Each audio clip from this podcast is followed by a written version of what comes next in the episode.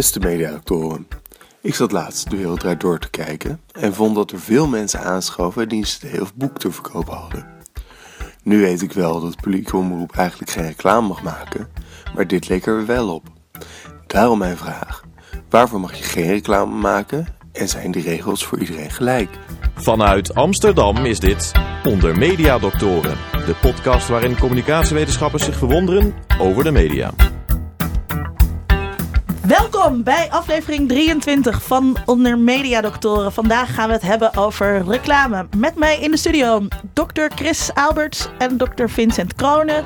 En we hebben voor het eerst geen mede-media-doctor in de studio, maar een bachelor. De gast is Jurka Jansen, media consultant en internetfenomeen. Uh, bachelor in de sociologie en je hebt ook een paar jaar informatica gedaan. Je werkt onder andere voor Fab Magazine en voor The Post Online, ook wel TPO. Uh, Jurka, ik las vandaag op Fab Magazine een artikel over heerlijke herfstcremes. Philosophy Miracle Worker Overnight en Philosophy Time in a Bottle for Ice. Het was heel vlot geschreven een stukje door een journalist. Dat stond er ook bij in de bio. Maar um, er stond nergens bij dat het reclame was. Maar dat is het toch wel? Nou ja, ik uh, doe niet de reclame inkoop uh, voor Fab. Dus uh, wat dat betreft weet ik dat niet, niet, precies op dit moment. Maar als het er niet bij staat, dan ga ik ervan uit dat er in ieder geval niet voor betaald is. En dat die producten ook niet anderszins als betaling hebben gediend.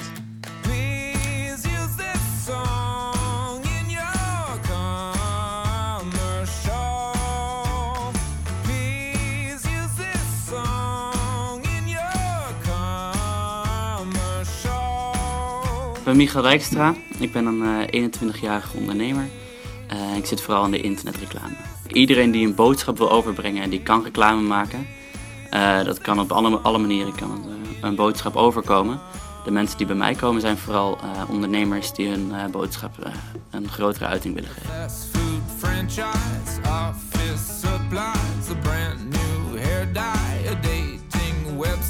Wat wel niet mag, dat is natuurlijk een heel groot en grijs gebied.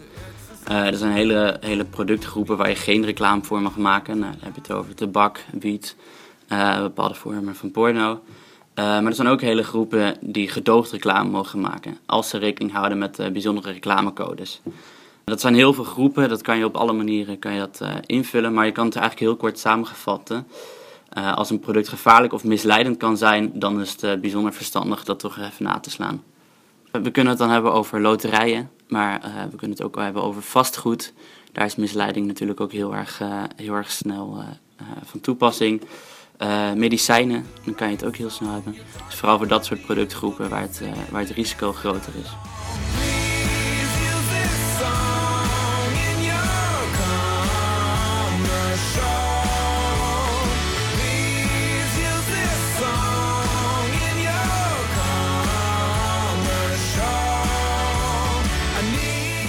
Op nieuwe media is er, uh, is er niet heel veel uh, controle op de wetgeving. Dat maakt het ook dat het vaak een, uh, iets meer een Wild West gehalte heeft. Natuurlijk kan je wel, heb je wel je bepaalde normen en waarden die je erin in vast moet houden. In de reclamecode waar ik het eerder over had, daar wordt heel veel gesproken hierover. En heb je het vooral over het aangeven wanneer de reclame wordt gemaakt. Dus niet in één keer van, nou, ik vind het product top. Uh, als je er betaald voor krijgt, dan staat je erbij: hey, ik kreeg dit product van die en die en die. En daarom vind ik het product heel top. Uh, dus op die manier is het vaak uh, aangegeven dat reclame wordt gemaakt. En tegengaan van manipulatie, dat is op internet een stuk belangrijker. Nou, ik krijg ook, als ik zit te surfen op het web, heel vaak ongewenste reclame in de, in de vorm van een pop-up. Dat mag dus ook gewoon? Ja, een pop-up is hartstikke legaal. Sterker nog, op dit moment uh, is het Rijk aan het kijken of ze dat kunnen gebruiken. Uh, pop-ups tegen het gaan van, uh, van illegale downloadsites. Dus pop-ups zijn hartstikke legaal. Of het praktisch is, is daarentegen een heel ander punt. Kijk, als jij een pop-up krijgt en je hebt er helemaal geen, geen interesse in, dan heb jij meteen een negatieve oogslag bij, die, bij de pop-up en de site waar de pop-up terechtkomt en de pop-up waar die vandaan komt. Uh, wat wel heel belangrijk is, om, is om te kijken, nou, onder de 12 is het al heel lastig om op internet reclame te maken. Omdat uh, het is niet legaal voor kinderen onder de 12 om profielen aan te maken op bepaalde websites. Uh, en daarbij vind ik het ook niet netjes om op die doelgroep reclame te maken. dan zou je, voor, vind ik, meer moeten richten op de ouders. ja, je zit met een heel grijs gebied tot normen en waarden wat dat betreft. Dus dat is natuurlijk heel lastig in deze branche.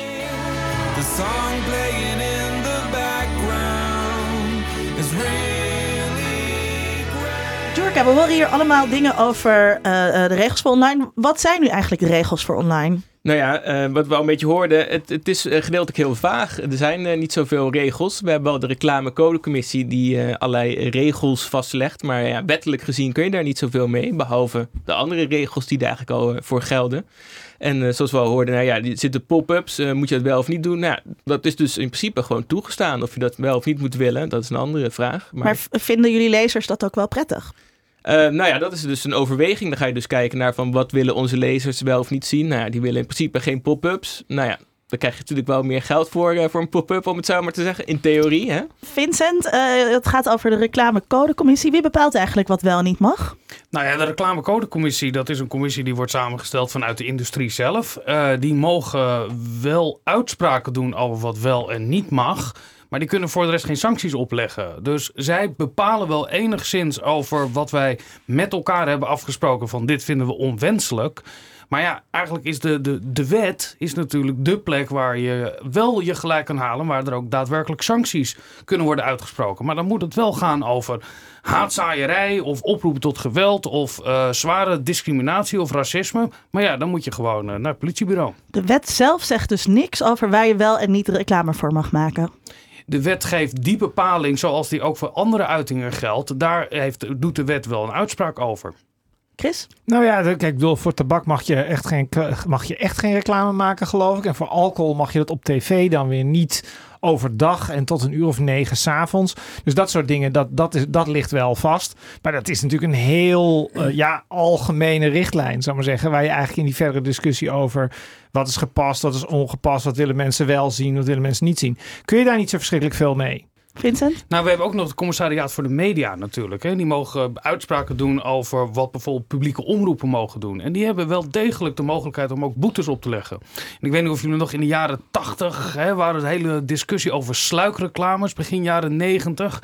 Met tuut, tuut, er zit een vogeltje in mijn tv, waarin heel opzichtig dan eh, reclames werden, of tenminste merknamen werden weggepiept. En toen zijn er allemaal regels ontstaan dat je niet één merk mag noemen. En dan gaan mensen altijd heel plichtmatig zeggen, ik kom hier met de Volvo, Mazda, Datsun aankomen rijden, omdat daar allemaal restricties in zijn.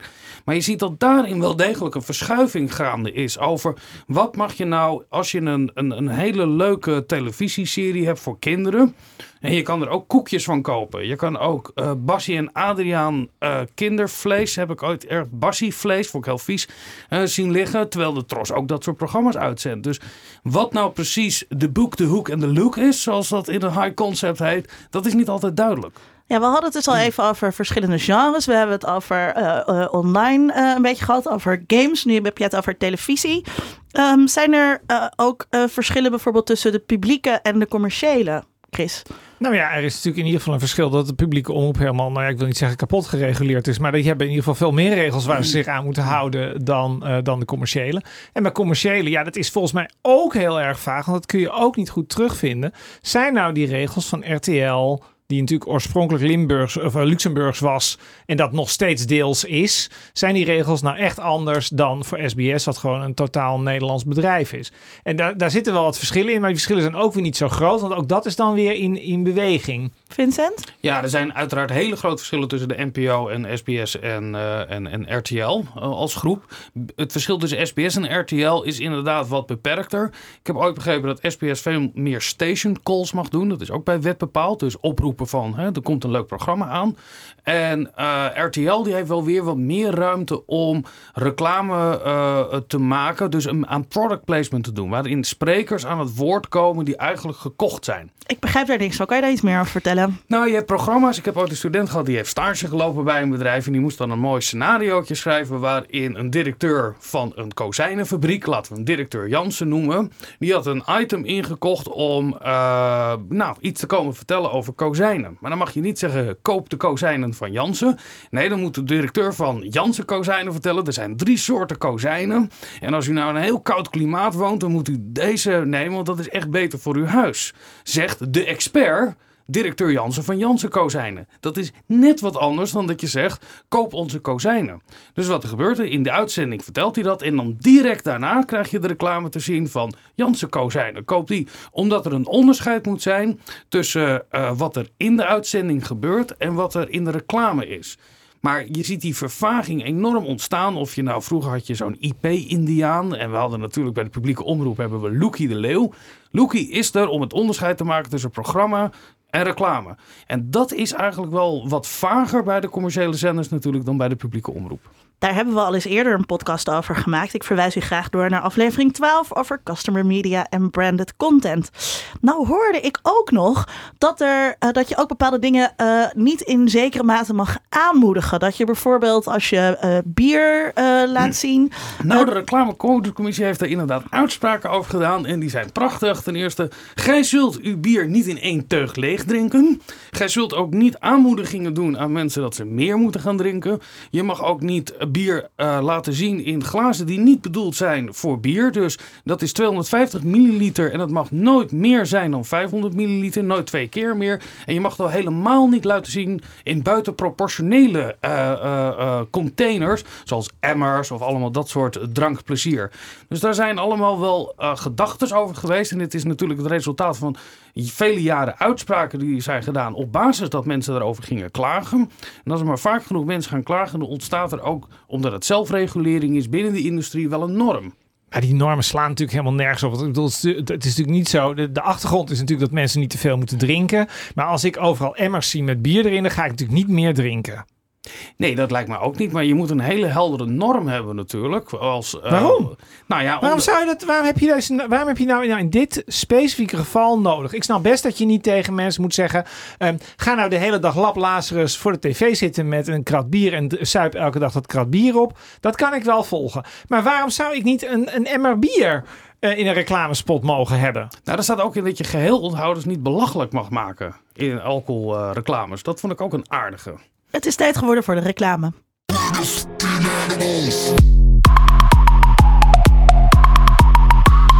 Vind jij het uitgaansleven ook zo duur? Met Goldstrike hoef je geen geld meer uit te geven in dure clubs. 50% pure alcohol, dus je bent binnen no time ladderzat. Goldstrike, de oplossing voor elke arme student.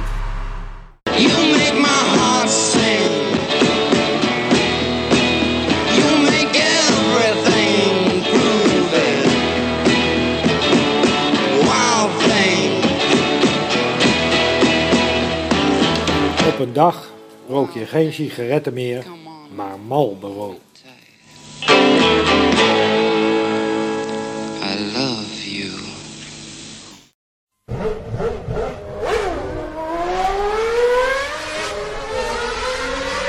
Weet je ook nooit wat je moet zeggen op een feestje? Ben je altijd de saaiste in de groep? Maybe all the lights turned on you.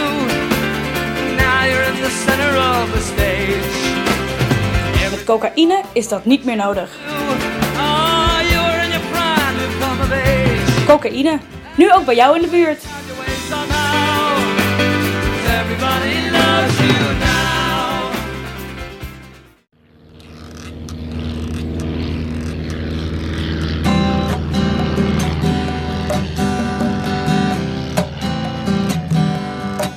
Ik zie een vliegtuig,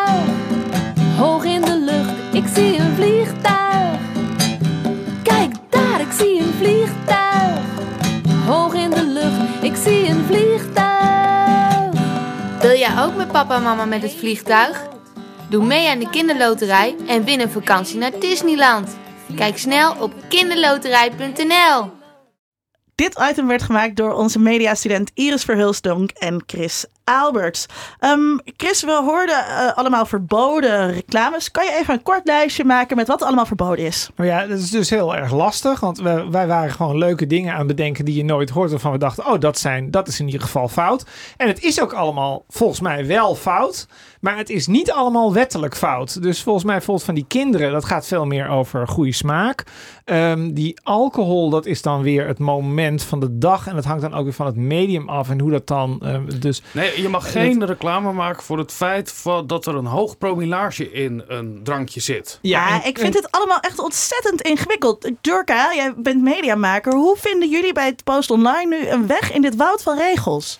Nou, dat is dus ook eh, heel moeilijk. En die weg wordt, nou, ik denk toch wel mede bepaald door, mede bepaald door die reclamecodecommissie. Want ja, adverteerders zelf kijken daar ook heel erg naar. En eh, nou, die ik wil niet zeggen dat die dat eh, expliciet meegeven, maar die, eh, die geven wel min of meer een soort kader aan. En eh, die willen ook niet adverteren op eh, media waar eh, af en toe de regels worden overtreden, om het zo maar te zeggen. Dat is natuurlijk ook deels van, hè, als- wij ons aan de regels houden en die andere hoeft dat bij jullie niet, eh, dan krijgen, krijgt die een soort oneigenlijk voordeel. Dat willen we niet. Dus iedereen nou, door die reclamecodecommissie houdt iedereen elkaar wel een beetje in de greep. Maar je ziet wel dat natuurlijk dat bij eh, websites, dat komt deels bij dat die niet Nederlands zijn, maar bij websites zoals porno-sites, download-sites, dat soort dingen, daar zijn die regels veel losser. En dan krijg je drie pop-ups eh, en eh, pop-unders en allerlei andere eh, lastige, nasty reclamevormen.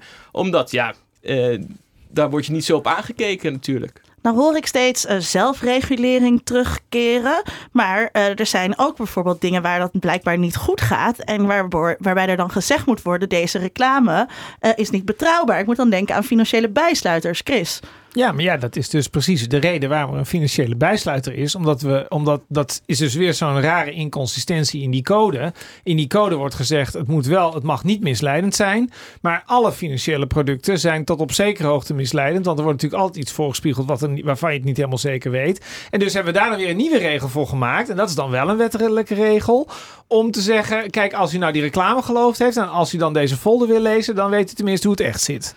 Ja, Vincent, eh, moeten we op een gegeven moment niet zeggen: die reclame die is niet alleen voor kinderen schadelijk of niet alleen voor alcoholisten schadelijk. Dat is voor iedereen schadelijk. Het kapitalisme is slecht, consumentarisme is slecht. We stoppen gewoon met die reclame. Nou, er zitten ook eh, normen in die je als vrijheid van meningsuiting zou kunnen zien. En eh, zeker als het om bijvoorbeeld culturele uitingen gaat. Er is een uitspraak geweest van de reclamecodecommissie over uitgeverij Contact. En die hadden een radiocommercial dat was om 9 uur 's ochtends. En dat klonk ongeveer als dat neukte zo goddelijk lekker vanwege de plotselinge ontlading. Benieuwd naar de rest, koop het boek van Tomezen. En toen kwam daar een klacht over. En toen zei Tomezen, ja, moet je nou eens luisteren, reclamecodecommissie. Dit boek gaat juist over de seksuele verloedering die er in Nederland is. En dit is mijn manier hoe ik mijn vrijheid van meningsuiting, mijn kunst onder de mensen kan brengen. Dus als jij zegt, ja, het kapitalisme, dat is de fout. Dan zouden we ook nooit meer reclame kunnen maken voor alle mooie boeken van bijvoorbeeld Tomezen. Jurka, eh, als jij als socioloog hier nou naar kijkt, wat voor ideologie zie je dan hierachter zitten? Nou, ik, ik zat net te denken, als je naar die eh, regels die de reclamecodecommissie voor kinderen hanteert, dan zie je dat eigenlijk nog veel sterker eh, dan eh, als je naar de regels voor volwassenen kijkt. Ja, er wordt toch heel erg aan fatsoen en mensen moeten misschien een beetje tegen zichzelf beschermd worden. En bij kinderen staat dat ook min of meer in. Hè? De sociale normen van kinderen worden daar in, in de genomen. Er wordt ook echt, staat er in die regels van, ja, je mag kinderen niet aanzetten tot reclame maken voor jouw merk. Je mag eh, kinderen niet voorspiegelen dat hun sociale positie daarvoor, daardoor hoger wordt of dat hun sociale positie lager wordt. Als ze Van dit roken pro- word je cool mag je niet zeggen. Nee, nou ja, kijk, dat is dus al hè, lastiger. Want bij volwassenen zie je wel, eh, was altijd in de rookreclames dat je die eh, coole Marlboro Man zag op zijn paard. En drankreclames zijn altijd in een feestelijke setting. Dan wordt natuurlijk deels al gezegd van ja, dus laten we zien van nou, dat moet je dus alleen gebruiken als er een sociale gelegenheid toe is. Maar er wordt natuurlijk wel gesuggereerd van nou, als je drinkt dan ben je cool. Nou, die regels voor kinderen zijn daar veel eh, strenger in.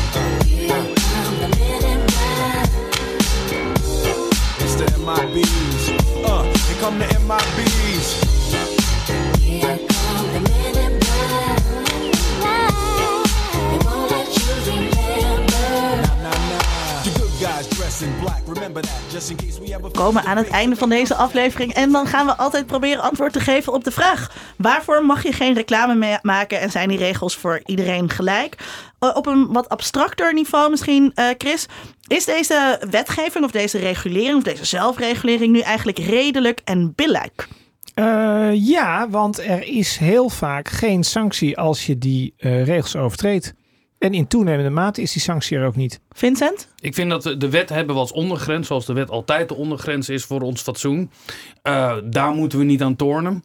Ik vind, zoals het in Nederland georganiseerd is, nu met de reclamecodecommissie, en dat dat eh, eh, op een. Ik vind dat er weinig uitzonderingen zijn. Laat ik het heel simpel zeggen. Ik zie niet zo heel veel overschrijdingen.